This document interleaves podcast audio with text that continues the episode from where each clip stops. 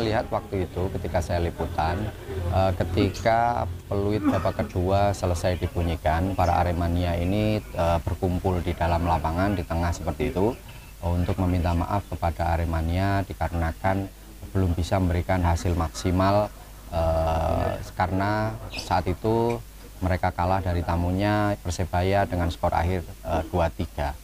Uh, setelah mereka meminta maaf, ada beberapa Aremania yang turun bermaksud untuk memberikan support pada para pemain.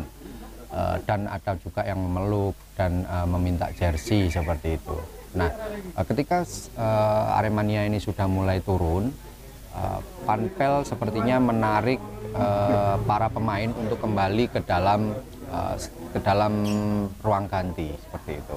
Dan uh, ketika mereka Aremania ini mengantarkan para pemain ke dalam ruang, masuk ke dalam ruang ganti melalui pintu tengah, mereka justru dipukul mundur oleh pihak keamanan. Dan uh, melihat ini kemungkinan ada uh, Aremania yang lainnya ikut turun untuk membantu kawan mereka mungkin untuk menarik ke dalam tribun ataupun untuk uh, apa namanya menyelamatkan uh, para teman-temannya yang dipukul mundur oleh pihak keamanan ini melihat banyak para Aremania yang turun ke dalam lapangan, kemudian polisi atau pihak keamanan justru menembakkan gas air mata ke beberapa arah, di antaranya ke dalam tribun yang notabene penonton uh, belum masuk ke dalam lapangan seperti itu.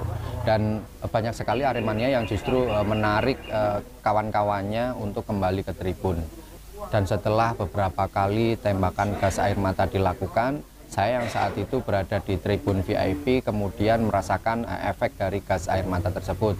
Lalu kemudian saya masuk atau turun ke, ke uh, media center dikarenakan setelah uh, selain merasakan efek dari gas air mata tersebut, saya juga berbarengan dengan press conference pasca pertandingan yang dilakukan oleh pelatih Arema waktu itu ketika press conference uh, dilakukan, saya mendengar bahwa banyak sekali uh, Aremania yang kemungkinan mencoba mendobrak pintu keluar dengan uh, saya tidak tahu dengan menggunakan apa, namun saya mendengar bunyinya seperti mendobrak pintu yang saat itu sedang terkunci.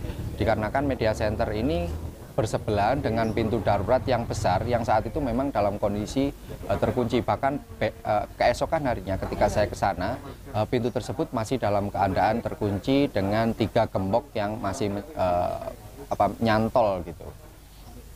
Ketika press conference selesai saya melihat bahwa masih banyak uh, Aremania ini yang digotong teman-temannya. Saya menyangka waktu itu bahwa mereka hanya pingsan Nah, karena e, kondisi masih banyak yang digotong, saya berinisiatif bersama kawan-kawan untuk ikut juga menolong atau mencoba menggotong, mengevakuasi mereka yang masih berada di dalam tribun.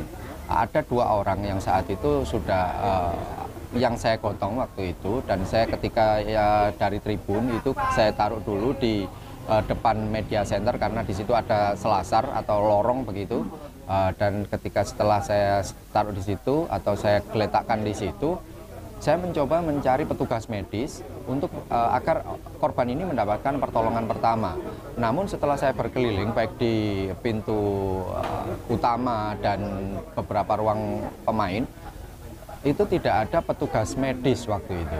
Dan saya juga mencoba mencari oksigen uh, untuk memberikan pertolongan. Ini tidak ada petugas medis maupun oksigen yang bisa digunakan dalam kondisi darurat seperti itu.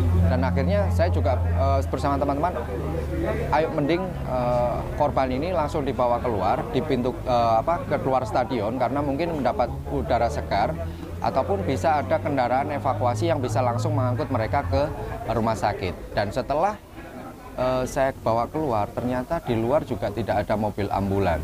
Akhirnya mereka diusung ke rumah sakit atau di, dibawa ke rumah sakit dengan menggunakan uh, truk pihak keamanan yang uh, standby di situ. Itu pun sudah dalam di dalam truk itu sudah dalam keadaan berimpit-impitan korban ini yang sudah tergeletak. Bahkan ada yang uh, beberapa ditumpuk seperti itu. Dikarenakan minimnya kendaraan evakuasi baik kendaraan ambulan maupun uh, kendaraan yang bisa digunakan untuk uh, mengevakuasi korban ini Dan setelah itu uh, saya kembali ke dalam uh, melihat bahwa banyak sekali korban-korban yang saat itu berjejer bergeletakan dan kemungkinan sudah dalam keadaan meninggal dunia karena waktu itu uh, sudah ada yang ditutup uh, apa tubuhnya seperti itu dan mereka juga tergeletak berjejer-jejer seperti itu. Ada sekitar kalau saya lihat itu sekitar 20 mungkin lebih ya 20 orang yang sudah tergeletak. Dan itu sebagian sudah dibawa ke rumah sakit. Dan itu masih banyak seperti